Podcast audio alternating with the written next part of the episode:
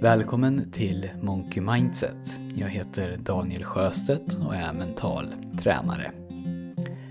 Idag så ska jag prata om ett fenomen som jag tror att nästan alla kommer att känna igen sig i, i större eller mindre utsträckning, men som nog få av er har satt ord på. Jag ska prata om stress. Jag ska prata om hur viktigt det kan vara att göra sig av med lösa trådar. Och så ska jag prata om vårt arbetsminne. Och jag kommer att utgå från någonting som kallas för Cigarnik-effekten. Cigarnik-effekten, det betyder i sin kärna att vi människor i större utsträckning kommer ihåg oavslutade saker än vad vi kommer ihåg sånt som vi avslutat. Själva effekten i sig, hur stark den är, det verkar det råda lite delade meningar om.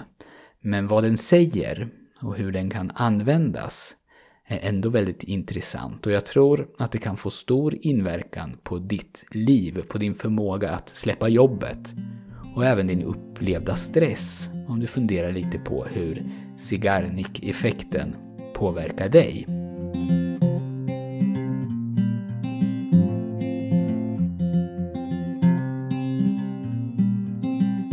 Historien säger att en psykolog som hette Bluma Sigarnik la märke till en intressant detalj hos servitörer och servitriser. Och det här var på 20-talet.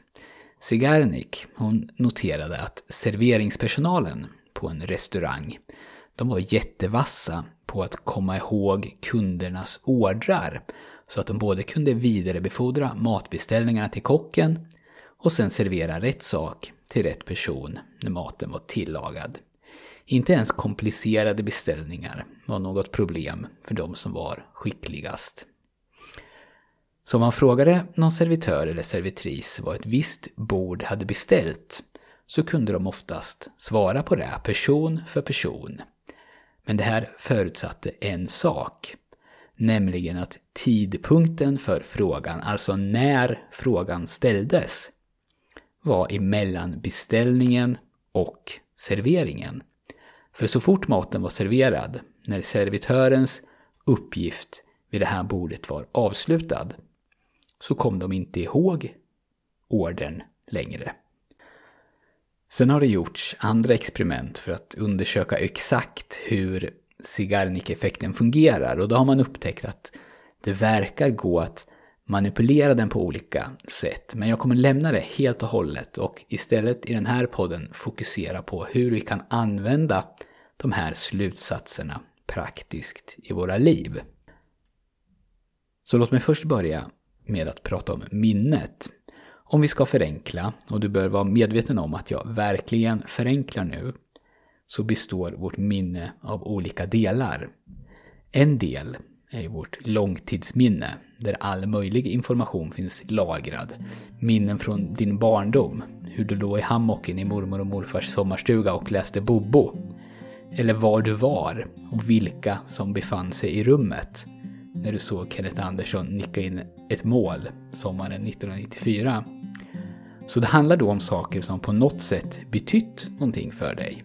Men om du läste tyska på högstadiet så kanske du också kan plocka fram ramsan Durch für gegen ohne um. Trots att den inte betyder någonting då och trots att du kanske inte sagt ett enda ord på tyska sen du gick ut nian. Så i långtidsminnet finns minnen och information lagrat och i rätt situation så kan du plocka fram dem. I korttidsminnet finns sånt som hände nyligen. Det som hände igår minns du oftast ganska bra. Det som hände i förrgår, lite sämre. Och så liksom bleknar minnena ju längre bort från idag du kommer. Om du får papper och penna och tänker jättehårt så kanske du kan återskapa vad du åt till lunch två veckor tillbaka i tiden. Men för varje dag som du går bakåt, om du inte har någon, något visst att hänga upp minnet på förstås, så blir det här svårare. Cigarnik-effekten handlar varken om ditt långtidsminne eller ditt korttidsminne, utan om vad man skulle kunna kalla för ditt arbetsminne. I arbetsminnet så finns det som du jobbar med just nu lagrat. Det som du går och tänker på och sånt som du inte har kunnat släppa. Grubblerier och annat. Arbetsminnet, det är begränsat.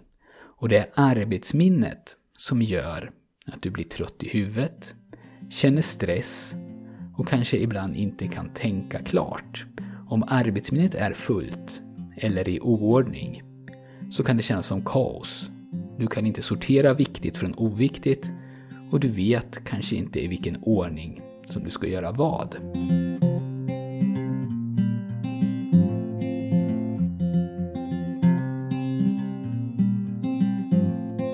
Långtidsminnet har inte några sådana begränsningar. Det är ju inte så att du, för att kunna komma ihåg och lagra vilken mat som serverades på din bästa väns bröllop i helgen, behöver göra plats för det minnet.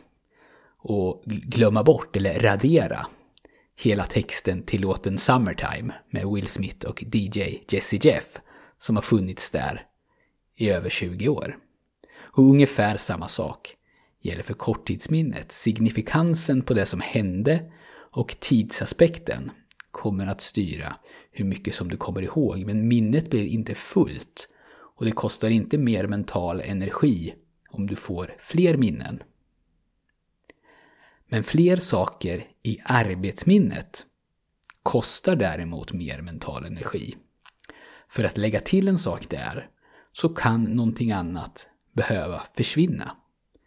Och med lite i arbetsminnet, med ett tomt arbetsminne, då är din kapacitet hög.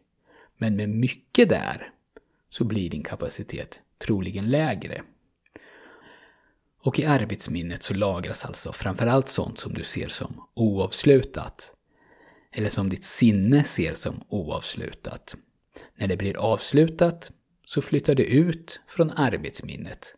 Antingen till långtidsminnet eller så raderas det. Exemplet med servitriserna illustrerar ju det här på ett bra sätt. Och kanske har du någon gång varit väldigt sent ute inför ett prov och tvingats plugga jättemycket dagen innan eller kanske till och med under natten. Och sen när provet är gjort, åtminstone några timmar efteråt eller någon dag efteråt, när du har släppt det, så kommer du knappt ihåg någonting av det som du hade panikpluggat in kvällen före. Du fyllde ditt arbetsminne med, med, med data, med information. Och när uppgiften var avslutad så tömdes arbetsminnet. Och det här är en utmaning förstås för både lärare och studenter. Hur ska vi undvika att i skolan bara fylla upp och sen radera vårt arbetsminne? För vi kommer ju då troligen att kunna svaren på frågorna när de kommer på provet. Men vi lär oss inte. Men det är ett ämne för en helt annan podd. Vad jag tror skulle skapa mest upplevd nytta för många av oss, det är om vi börjar tänka så här och aktivt letar efter sätt att tömma vårt arbetsminne. Att hålla det så tomt som möjligt så att det kan arbeta på full kapacitet när det väl används. Och då handlar det till stor del om att avsluta sånt som är oavslutat. Om du läst eh, en bok som heter Getting Things Done som nog är den mest inflytelserika boken inom ämnet personlig produktivitet, så vet du att den pratar om någonting som på engelska kallas för closing loops, stänga loopar.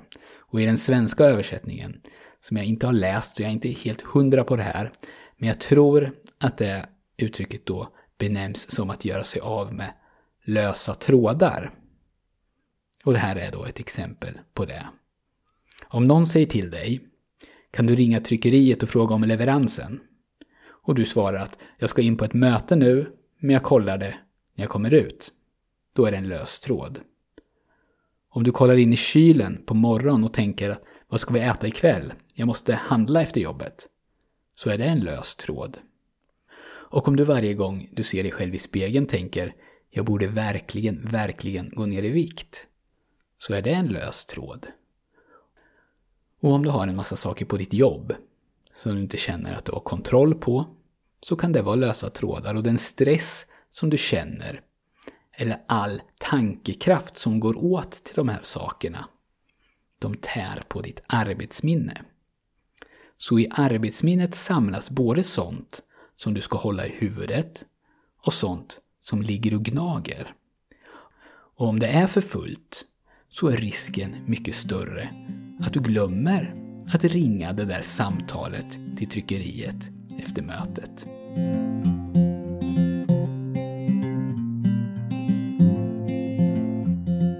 Så hur stänger du då de här looparna?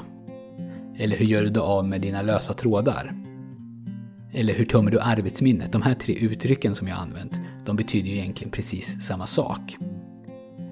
I många fall så räcker det med att byta plats på informationen. Från ditt huvud ner på pränt. När någon säger till dig att du ska ringa ett samtal så skriver du ner det i din kalender och så har du ett system för att bli påmind. Antingen att du kollar din kalender med vissa intervaller eller att den piper när någonting ska göras. Då kan du släppa det helt. Då försvinner den punkten från ditt arbetsminne. Tråden är inte längre lös. Och om det gäller något större, som att du har ångest över din hälsa och det här gör dig stressad, så kommer en stor del av den ångesten och stressen som nu tar upp plats i ditt arbetsminne att försvinna när du gör en trovärdig plan för hur du ska hantera problemet. Och ju mer detaljerad, desto bättre, enligt min erfarenhet. Så för att stänga loopen, Eh, för att flytta det bort från ditt arbetsminne, så krävs det alltså inte att hela problemet är löst. Det är inte det som jag syftar på när jag sa att vi har en tendens att komma ihåg oavslutade saker och glömma bort avslutade. Utan i många fall så handlar det om att avsluta i den mening att du har en tydlig handlingsplan och att den planen finns nedskriven. Så att du inte behöver hålla den i huvudet. Jag ska ge ett sista exempel för att försöka visa hur effektivt det här kan vara. Låt säga att du har ett viktigt projekt som ska vara klart om tre veckor. Förutom projektet så har du ju en hel del annat att göra. Allt annat som behöver göras på jobbet finns fortfarande kvar. Projektet tar upp väldigt mycket av dina tankar och din mentala energi. Så du känner dig splittrad och stressad. Dels över att dina ordinarie arbetsuppgifter blir lidande och dels över att projektet inte går framåt så fort som du vill. Det här kan bero på att ditt arbetsminne är fullt. Du har helt plötsligt nu massor av lösa trådar. Din produktivitet blir lidande och din stress skjuter i höjden. Du känner att du inte har kontroll. Låt oss nu låtsas att du klart och tydligt bestämmer att du ska ignorera projektet i en vecka och under den veckan fokusera helt på att jobba i fatt och kanske vara lite före med dina ordinarie arbetsuppgifter. Så att du sen under de nästkommande två veckorna kan ignorera dina ordinarie uppgifter och fokusera helt på projektet. Jag kan nästan slå vad om att din stress kommer att sjunka och att din produktivitet kommer att öka om du gör så här.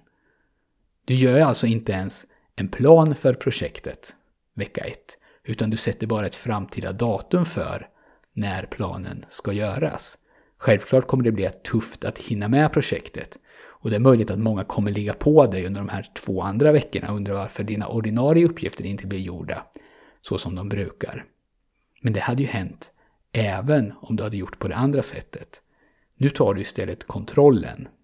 Du är proaktiv och försöker så gott det går att fylla ditt arbetsminne med projektet när du ska jobba med projektet och med det andra när du ska jobba med det andra.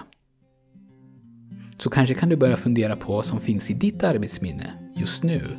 Saker som på ett eller annat sätt inte ses som avslutade. Och också fundera på hur du kan avsluta dem. Eller om du åtminstone tillfälligt kan avsluta dem genom att bestämma ett datum när du ska ta tag i dem. Och på så sätt rensa dem från ditt arbetsminne. Och fundera gärna också på hur medier påverkar ditt arbetsminne, såväl vanliga medier som sociala. Jag har inte svaret på den frågan, men min intuitiva känsla det är att i alla fall för mig personligen så tar medier upp ganska stor plats. Och den här platsen frigörs inte bara för att man loggar ut. I alla fall inte direkt. Det var allt som jag hade den här gången. Kolla gärna in hemsidan monkeymindset.se. Där kan du få det som du behöver för att komma igång med mental träning. Och det kostar ingenting. Lämna också gärna en recension på podden i iTunes. Och ta hand om dig. Tack för att du har lyssnat. Jag hoppas att vi hörs snart igen.